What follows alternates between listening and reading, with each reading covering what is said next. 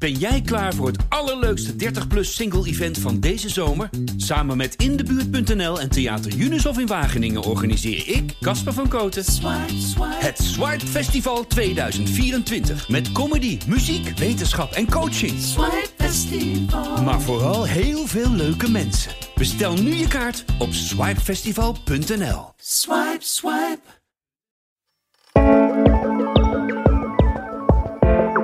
Dit is Ondertussen in de Kosmos, de podcast van de wetenschapsredactie van de Volkskrant. Mijn naam is Tony Mudde en misschien ken je het wel. Dan komt er een verzoek van de gemeente of van een universiteit of van het opiniebureau of je een vragenlijst wil invullen voor onderzoek. Maar steeds meer mensen die doen dat niet meer. Geen tijd, geen zin, iets beters te doen. En dat is een groter probleem dan velen zich realiseren. Vooral omdat de problemen en wensen van bepaalde groepen in de maatschappij zo buiten beeld blijven. En dat kan weer leiden tot het invoeren van beleid dat in de praktijk totaal niet blijkt te werken.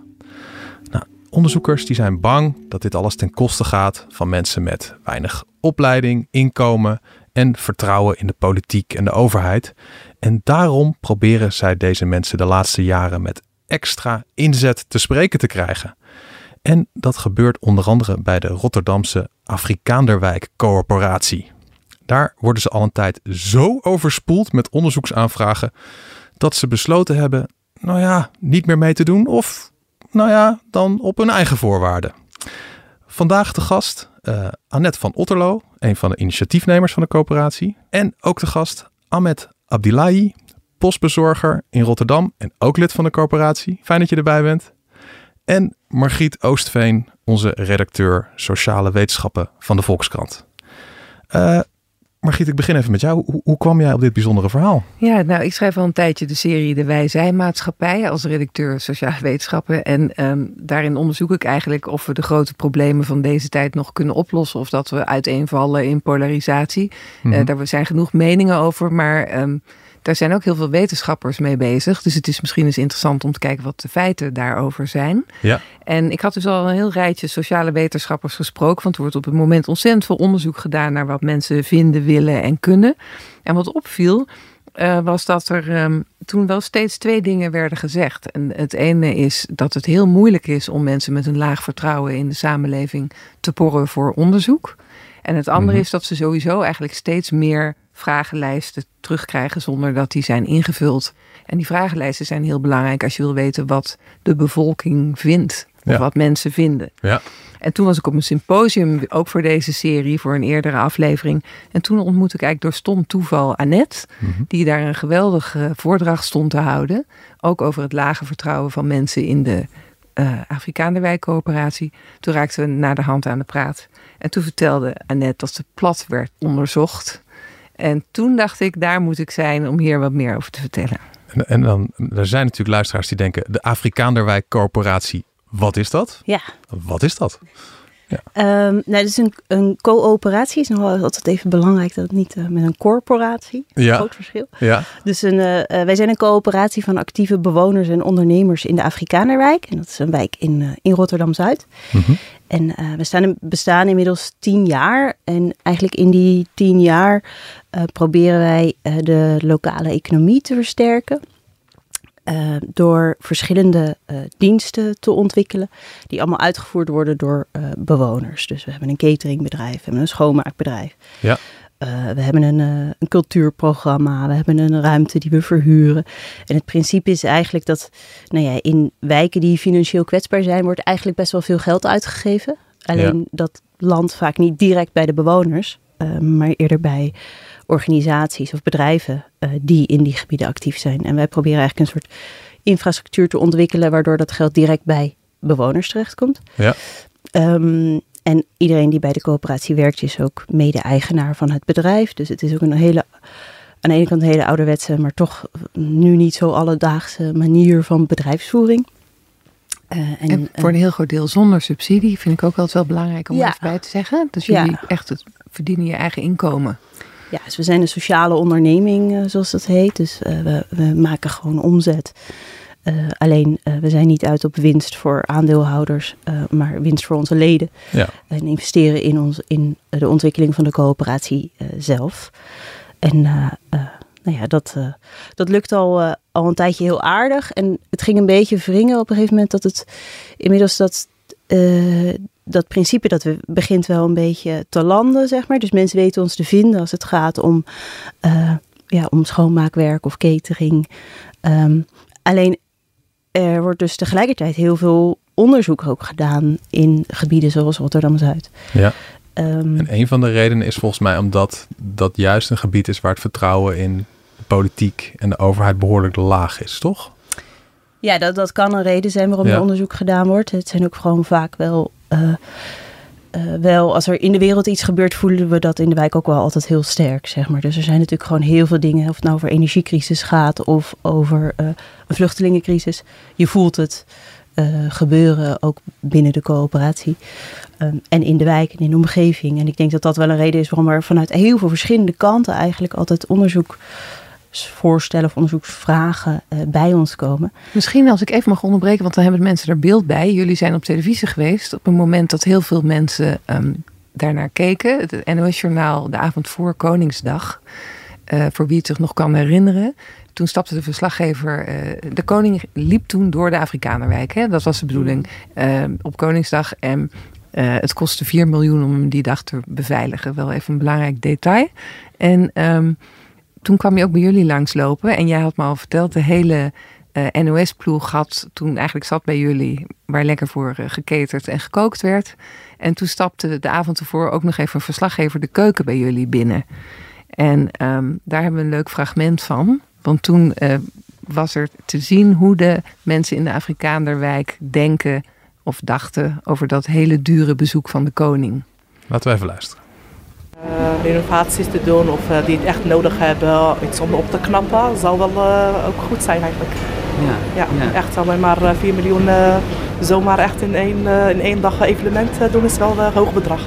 En wat ook heel leuk was, vond ik, wil ik nog even zeggen, dus de koning kwam langslopen op Koningsdag en toen hadden jullie van de coöperatie een grote lichtbak buiten gehangen en er stond Leven het volk. Dat ja. was ook wel een goeie. Maar, um, en uh, er waren ook veel goede reacties, toch? Op het optreden van Nadia in het journaal. Ja, zeker. Ja, nee, ik kreeg echt, uh, of nou ja, we kregen allemaal eh, appjes. En uh, nou ja, de vrienden van haar zoon hadden het gezien in de koffieshop. En, dus, en het, het was wel heel mooi, omdat ja, Nadia die, die runt bij ons de, de catering business, zeg maar. En die houdt zich normaal een beetje op de vlakte, zeg maar, bij, uh, bij dit soort thema's. Maar ineens was ze hier toch heel uitgesproken in. En uh, nou, daar kreeg ze zoveel goede reacties op dat dat ook wel... Uh... Ik dacht van die 4 miljoen kan je wel wat, wat leukers doen.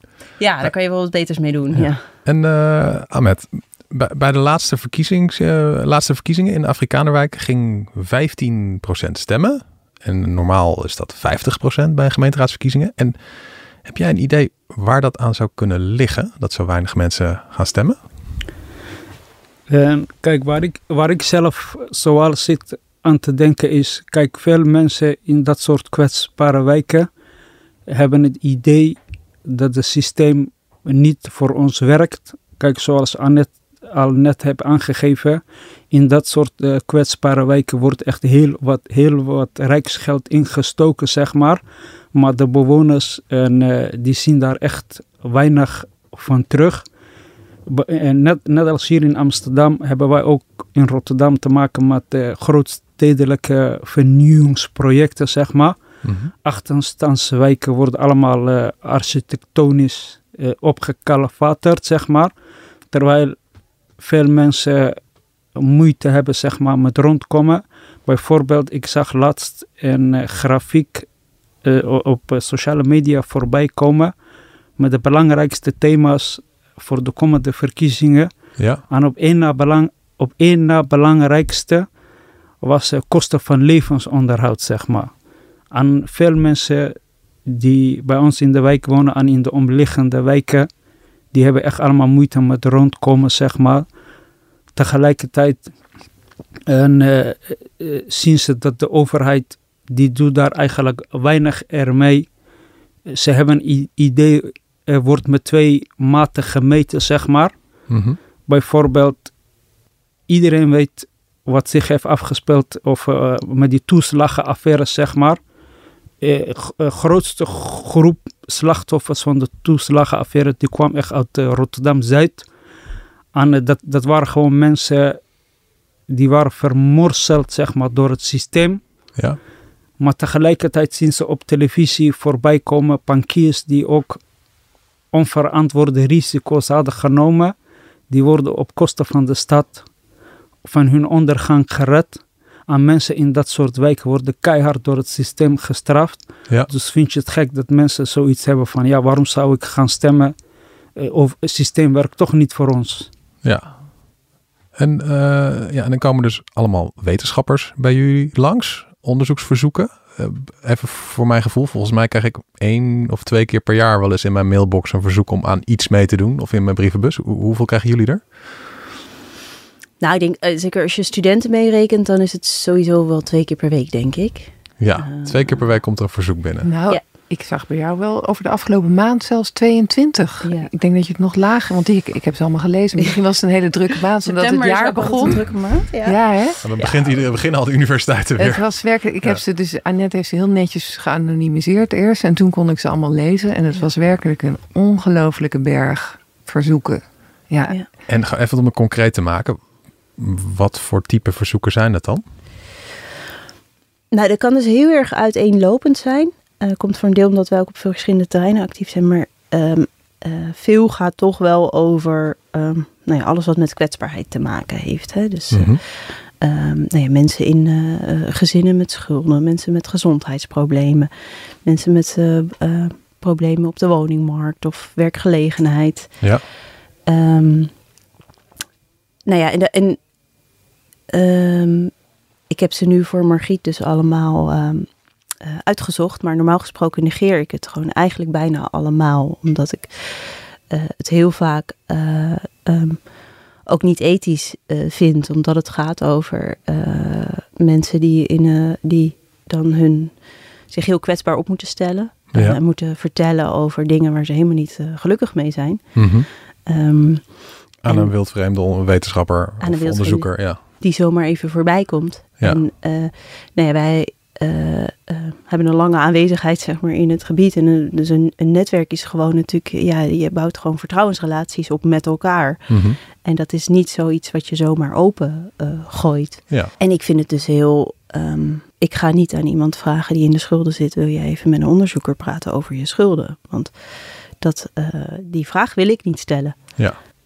En dan zal die onderzoeker misschien denken zo van ja, maar als ik dat niet weet, hoe die problematiek precies in elkaar zit, dan kan ik ook niet adviseren over hoe het beter kan of hoe uh, toeslagenformulieren ja. wel duidelijk zijn. Of dat het misschien helemaal niet via een formulier moet juist. Of, Nee, het is heel ja. ingewikkeld. En daarom hebben wij dus ook wel uh, op een gegeven moment gezegd: van, nou, we gaan dan onder bepaalde voorwaarden uh, gewoon meedoen. En een van de voorwaarden is dat ik vind dat mensen vergoed moeten worden voor de, de tijd die ze erin steken. Ja.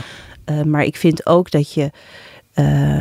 Dat iemand met zo'n vraag ook een, moet proberen om een band op te bouwen um, met iemand of een relatie op te bouwen. Want je, je vraagt niet zomaar iets. Dus dan moet, je, dan moet jij als onderzoeker ook daar heel veel tijd in investeren, vind ik. Mm -hmm. En Annette um, is ook niet de enige hè, die er zo over denkt. Want je kan merken, onderzoekers maken zich echt grote zorgen over de ja, schaarse hoeveelheid ingevulde enquêteformulieren die ze nog terugkrijgen.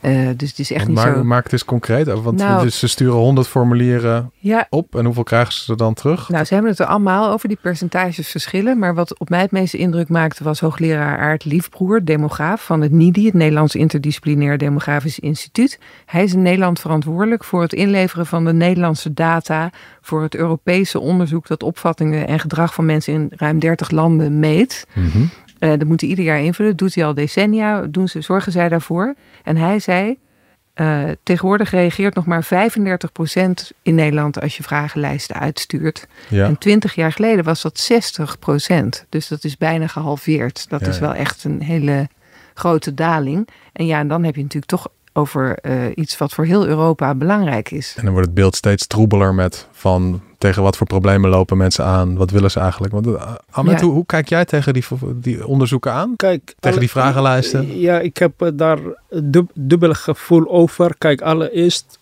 het is echt belangrijk dat mensen meedoen aan die onderzoeken, zeg maar. Uh, anders komen hun uh, wensen en behoeften uh, niet aan het licht. Maar tegelijkertijd, als ik mijzelf verplaats in die mensen, en zij, en zij vragen zich af van ja, wat levert het mij op? ergens geef ik ze niet ongelijk dat ze daar niet aan meedoen. Mm Om een voorbeeld te illustreren, weet je, werkgever, zeg maar bedrijf waar ik werk, uh, doen we ook periodiek aan iets wat ze noemen betrokkenheidsmonitor, zeg maar. Dus uh, mensen moeten ook vragenlijsten allemaal invullen, zeg maar. Hoe betrokken ze met het bedrijf zijn, wat er beter kan, wat er kan veranderen. En meestal de percentage die daaraan meedoet, is wat net, wat net Margriet zei, van iets van om en nabij de 30, 35 procent doet daar aan mee. Maar de uitkomsten daarvan wordt bijna niets mee gedaan, zeg maar. Dus als mensen zeggen ze willen dit veranderen of dat of dat zou beter kunnen, wordt er echt weinig mee gedaan. Dus dat mensen zoiets hebben van ja, ik kan het wel gaan invullen, zeg maar. Ja. Maar er gebeurt niks. Er gebeurt toch niks. Dus ja, het, daar kan ik me ook echt in verplaatsen. Maar het is wel belangrijk dat mensen wel ja, meedoen aan die onderzoeken. Anders ja, eh, kunnen, kan men met hun behoeften aan wensen niks maar doen, ja. wat vind jij van die lijsten zelf? Want jij vertelde me net nog, uh, jij zelf leest alle kranten en beheert zelfs een appgroep waarin je het belangrijkste nieuws over dit onderwerp voor de hele buurt in een appgroep distribueert. Ja, ja. Jij bent een, een snelle lezer, maar dat geldt niet voor iedereen in de, in de Afrikanerwijk. Klopt, klopt. En um, ik kreeg bijvoorbeeld te horen dat mensen, sommige mensen die vragenlijsten veel te lang vonden. Of, maar ook de taal, dat die best wel ingewikkeld kan zijn. Zeker. Hoe, hoe, hoe zie jij dat? Eh, kijk, sowieso en er is, geen er is een ongelijke speelveld, zeg maar. Kijk, als je in onderzoek naar die mensen komt, en sommige mensen hebben gewoon uh, taalproblemen, dan is er sowieso een bepaalde sociale afstand die men niet zo makkelijk kan echt over, overbruggen, zeg maar. Kijk, ik zelf was op vrij jonge leeftijd van school weggegaan. En uh, bij bedrijven waar ik kwam werken, zeiden mensen die ouder dan mij waren van je bent, te jong om van school uh, uh, weg te gaan, zeg maar. En dat heeft echt iets met me gedaan, van dat ik zoiets van had. Voor mij terug naar school, dat zit niet meer in. Maar, eh, maar ik moet wel werken aan mijn taalwaardigheid of ik moet hem wel blijven ontwikkelen. En zo, zo is die interesse ontstaan om dagbladen te lezen en om dingen van op de hoogte te blijven. Ja, maar jullie legden me ook uit dat, kijk, als wij een envelop op de mat vinden, Tony en ik, denken we, oh envelop. We denken hoogheid, nou we hebben even geen zin om hem open te maken. Maar jullie vertelden me dat een envelop een heel andere betekenis heeft in de Afrikanerwijk. Misschien kun je dat even uitleggen, want ik denk niet dat veel mensen dat snappen. Kijk, en wat ik persoonlijk zelf heb meegemaakt is, uh, wijk waar ik, ik, ik woon zelf daar, dus wijk waar, waar ik woon en waar ook Afrikaan Wijk Corporatie zit, dat is een wijk waar veel mensen uh, leven die behoren tot de onderkant van de maatschappelijke ladder. Uh, mensen die de taal bijvoorbeeld niet spreken. mensen die bijvoorbeeld te maken hebben met terugvorderingen van de Belastingdienst, zeg maar. En ja, als je, als je een brief op de mat valt, dan, heeft, dan, dan associëren mensen vaak dat met problemen, zeg maar. Hè. En dan durven ze eigenlijk ook als het een vragenlijst is, de envelop eigenlijk niet open te maken. Niet open te maken, ja. ja. Er ja, staat gewoon een officieel, officieel logo op en je denkt al, oh mijn god, wat komt hier aan? Ja. Klopt. Ja, het is ook de manier van benaderen. Hè? Dus eigenlijk dat de, uh, het feit dat het op papier in een envelop komt, is al een hele formele manier van benaderen. En de manier waarop, of ja, die, die formele benadering betekent vaak een bedreiging. Ja, ja. Uh, en ook we hebben ook veel mensen in het netwerk die bijvoorbeeld uh, uit een uitkeringssituatie komen.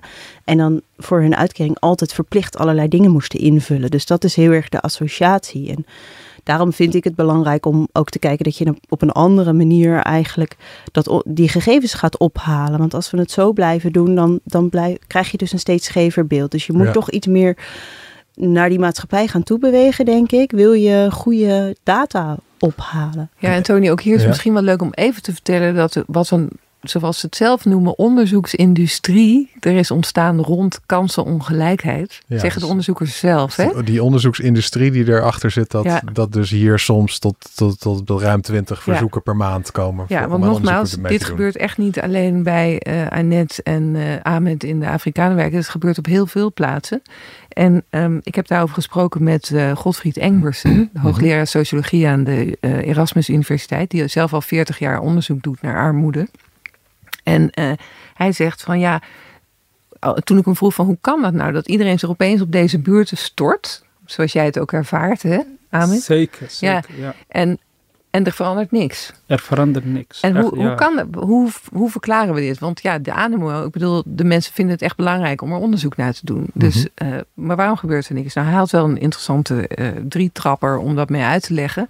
Hij zei van, nou, om te beginnen is het natuurlijk echt belangrijk om de realiteit van armoede te pakken te, kijken, te krijgen, te begrijpen wat er nou echt aan de hand is, zoals uh, Ahmed ook al vertelt.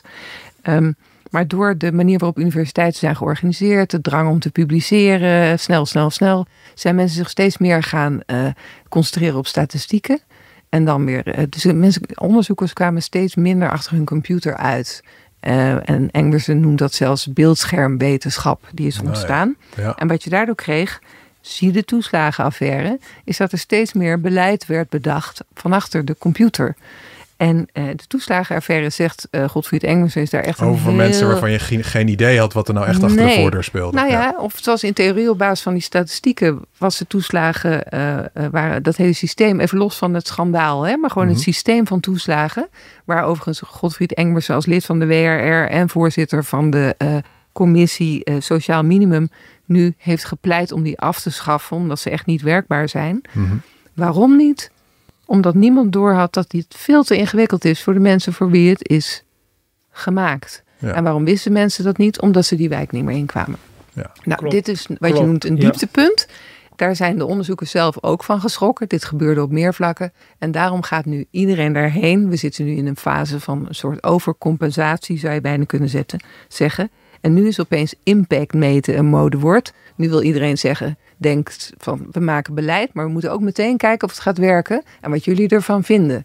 Maar je moet natuurlijk heel erg oppassen dat het ook niet weer afvinken wordt van we zijn er geweest. Ik hou bij wijze van spreken een microfoon onder de neus van Ahmed. Zegt, ben je fit goed, vind je slecht? Oh, wegwezen. Dat is niet hoe je het moet doen. Hè? Dat is eigenlijk wat Annette ook, ook zegt. En overigens was ik, als ik heel even nog één ding mag mhm. zeggen. In reactie op mijn stuk kreeg ik nog een hele leuke reactie van verschillende onderzoekers, waaronder um, Marielle Zil. Zij, doet, zij onderzoekt uh, menselijke geografie aan de Universiteit Utrecht. En er blijkt dus een heel boek hierover geschreven te zijn in Duitsland. Onder de titel Over Researched Places. En daar hebben ze zelfs een term hiervoor. En dat is research fatigue. Dat is dus iets waar in heel veel plaatsen in Europa mensen al mee te maken krijgen. Ja. Dus nogmaals, dit is maar één voorbeeld, maar het speelt op heel veel plaatsen. En, en, laten we eens een, beetje in oplossingen gaan denken. Uh, Ahmed, als je op de stoel van de wetenschapper zou uh, mogen gaan zitten van oké, de problemen die leven bij jou in de wijk en bij mensen die jij kent. Hoe zou je die op een goede manier in kaart brengen en dat er dan ook echt iets mee gedaan kan worden? Kijk, allereerst, ik zou het gewoon zeg maar een, uh, anders gaan organiseren wat uh, Margriet net al heeft aangegeven van de toeslagaffaire was zeg maar de, diepte, de dieptepunt zeg maar. Bij, bijvoorbeeld, ik kan, ik kan haar naam even niet zo bij, maar was een hoogleraar sociologie uit Amsterdam.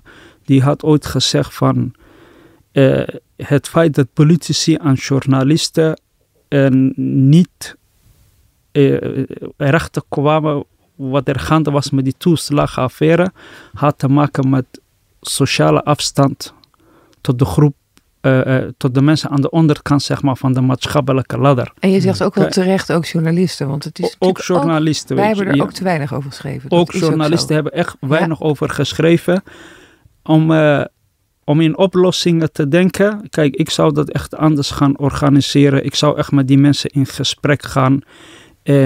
kijken hoe we op een laagdrempelige manier die onderzoeken kunnen uitvoeren, zeg maar.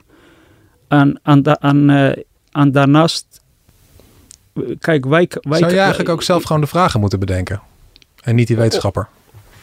Onder andere, onder andere, hm. kijk, wat ik, wat ik zelf ervaar of zie is echt waar... in, in ons ecosysteem zit echt veel veerkracht aan, echt veel aanpassingsvermogen. Aan, eh, wat, waar ik echt treurig van word, is dat daar eigenlijk weinig er mee wordt gedaan, zeg maar. Aan, ja, ik hoop, ik hoop dat wetenschappers en onderzoekers dit gewoon echt anders gaan organiseren. En ook de mensen laten zien uh, dat niet alleen maar mensen informatie komen halen. Mm En dat wij ze nooit meer terugzien. Maar dat de mensen ook zien van met hun, met hun zeg maar, input is er wat mee gedaan. En dat ze ook in hun leefomgeving zien dat er verbeteringen zijn opgetreden. En dan ben ik echt van overtuigd dat mensen echt toebereid zijn om, om, om vaker mee te werken aan dit soort onderzoeken. Er wordt ook al veel gedaan nu op dat vlak. En in, in, er worden op allerlei plekken zijn wetenschappers bezig met daar manieren voor vinden. Wordt, je moet altijd oppassen, want dat wordt dan ook zo weer een mode. En dan mhm. gebruiken ze weer woorden als living lab. Waar, living lab? Zo noemen ze de Zuid. Ja, ja, ja. ja en dat is natuurlijk... Daar de kan jullie bedenkelijk kijken. Wat vinden jullie ervan ja. dat sommige nou wetenschappers jullie een living lab noemen? Ja, dit, het was ook een tijdje interessant om, uh, om wijksafaris te organiseren. Dus het, is... Ja, er is een heel scala aan dat soort dingen waarvan je denkt, ja, wat moet dit nou? Uh, of placemaking op plekken die er gewoon al zijn. Dus wat, wat ga je maken dan? Ja. En ik denk over het algemeen dat het gewoon gaat over het, het waarderen van dat wat er al is. Hè? En kijken van wat voor waardevolle kennis zit daar nou. En wat er heel vaak misgaat is dat nu is het wel heel populair om weer dus de wijk in te gaan. En dat voelen we allemaal. Maar de onderzoeksvraag en het vakje waarin geparticipeerd mag worden door de burger, die zit, liggen wel al vast. Ja, ja, En ik denk dat het daar echt nog wel veel radicaler omgegooid uh, mag worden. Onderzoekers uh, zouden denk ik voor jullie ook meer open vragen kunnen stellen. Hè? Waardoor je ook dingen kan noemen waar niemand aan denkt. Ja, en, en zeker. En, maar kan je ze een voorbeeld geven? Van, was, stel jij zou samen met een onderzoeker nou, we hadden laatst... De schuldenproblematiek in kaart moeten brengen. Zo van wat, waar, waar lopen mensen met schulden nou echt tegenaan? Hoe zou je dat dan inrichten? Nou, ik vind dus van tevoren al dat een onderzoeker niet met een onderzoeksvraag moet komen, maar dat hij dus eerst kennis moet maken en eerst even mee moet draaien en kijken van wat, wat speelt er nou echt en wat is nu echt het probleem. En dan kun je ook verrast worden. En uh, nou ja, ik heb wel een voorbeeld dat... Dus ik deed het eigenlijk al verkeerd. Dat ik al zei van, uh, ik wil de schuldenproblematiek in kaart brengen. Maar jij zegt eigenlijk van, nou, je begint maar gewoon überhaupt niet met een vraag. Kom, eerst, maar, kom eerst maar eens kletsen en dan ontdek je wel wat er leeft. Maar jij bent journalist, ja. het is wel heel moeilijk om geen vraag te stellen.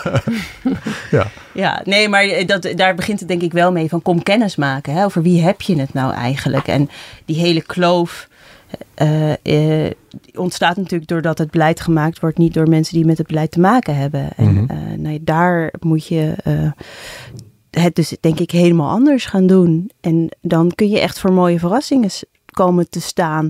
We hadden laatst een sessie die ging over het, het ontwerp van een gebouw. En dat zou door studenten van de TU gedaan worden. En toen zei een van die bewoners van...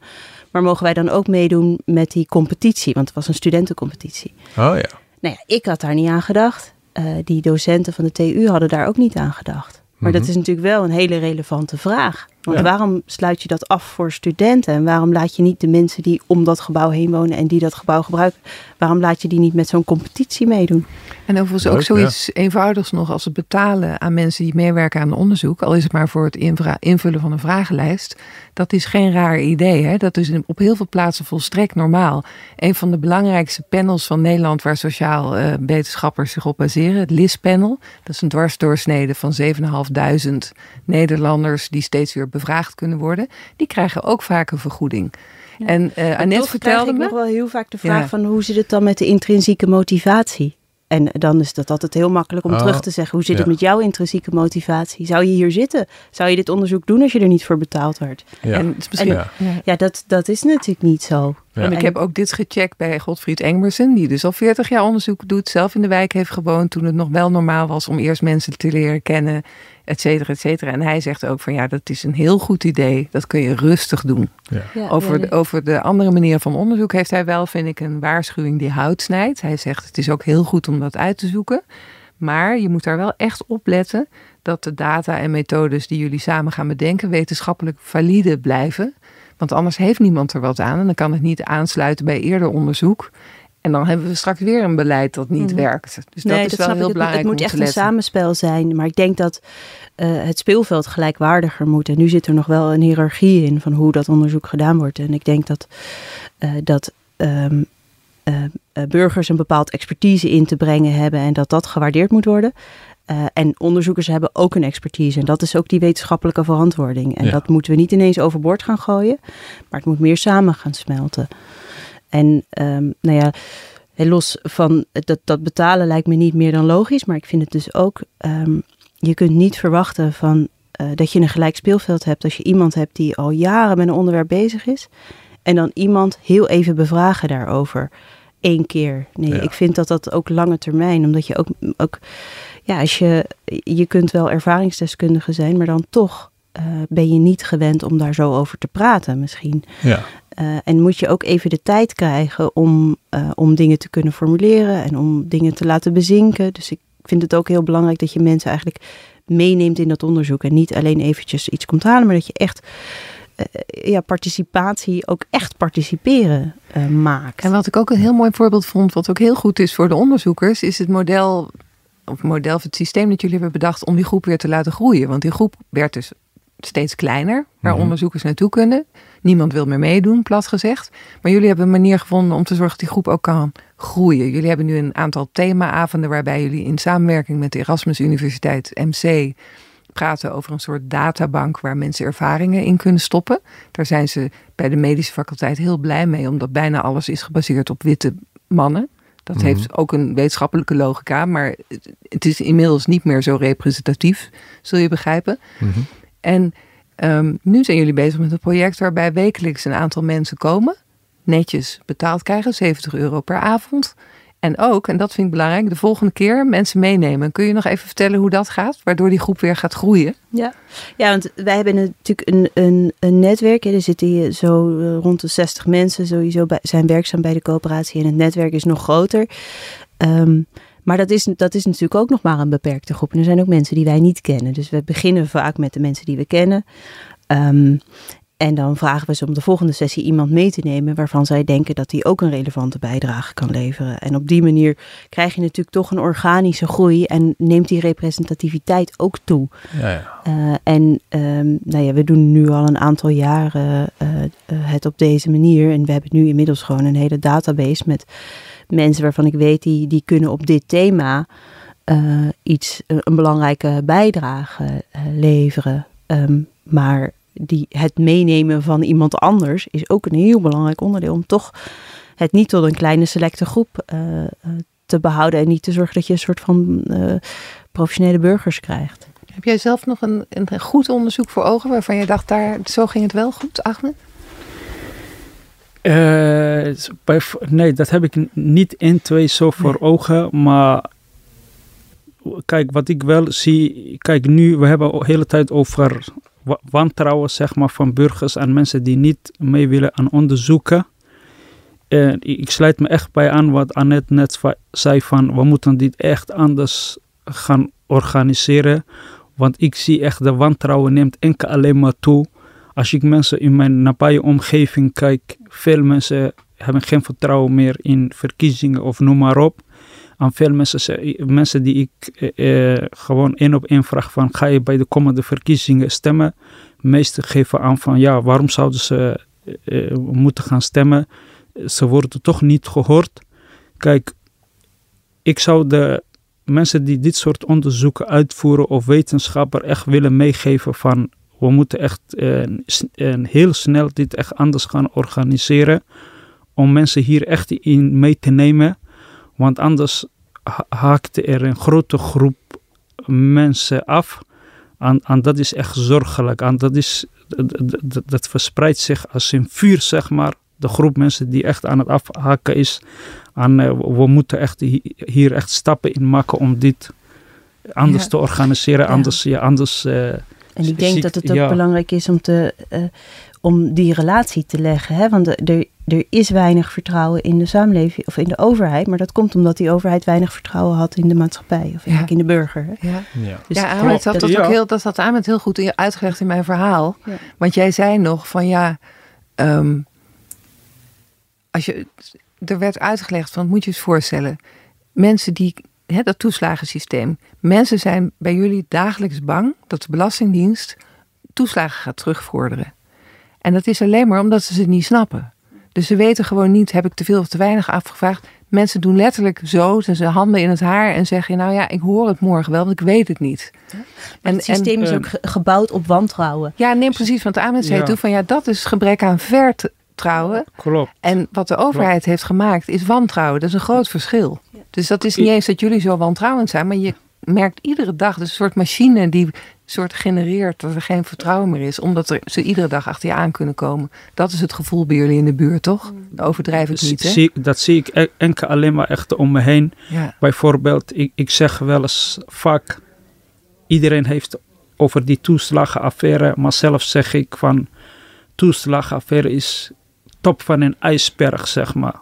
Er is echt een grote groep mensen die niet bureaucratisch geletterd is, zeg maar. Mm die, die in, commun, in, in, in, combinatie, nee, in communicatie met de overheid grote problemen ondervinden, zeg maar. En, uh, als ik echt in, zelf door Rotterdam-Zuid loop of tijdens mijn werk, ik, ik zie echt zoveel mensen uh, die in, in, communicatie met de overheid daarmee worstelen, zeg maar. Die te maken hebben met grote terugvorderingen. Of het nou gaat om... Uh, uh, bijstand, weet je. Of het gaat om uh, huurtoeslag, zorgtoeslag.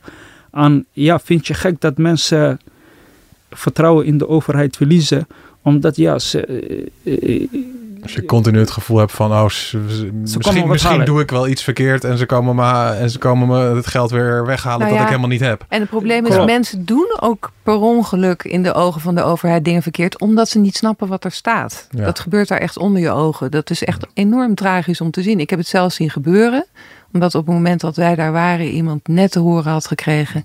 Zij had zich net uit een enorme schuldensituatie gewerkt. En had net een week eerder te horen gekregen dat ze 8000 euro aan huurtoeslag moest terugbetalen. Nou ja, dan sta je gewoon met je bek vol tanden. Dit was Ondertussen in de Kosmos, de wetenschapspodcast van de Volkskrant. Grote dank aan mijn gasten van vandaag, Annette van Otterlo en Ahmed Abdillahi van de Afrikaanderwijk Coöperatie. En Margriet Oostveen, onze redacteur sociale wetenschappen bij de Volkskrant. Mijn naam is Tony Mudde en volgende week maandag zijn we er weer met een geheel nieuw onderwerp. Tot dan!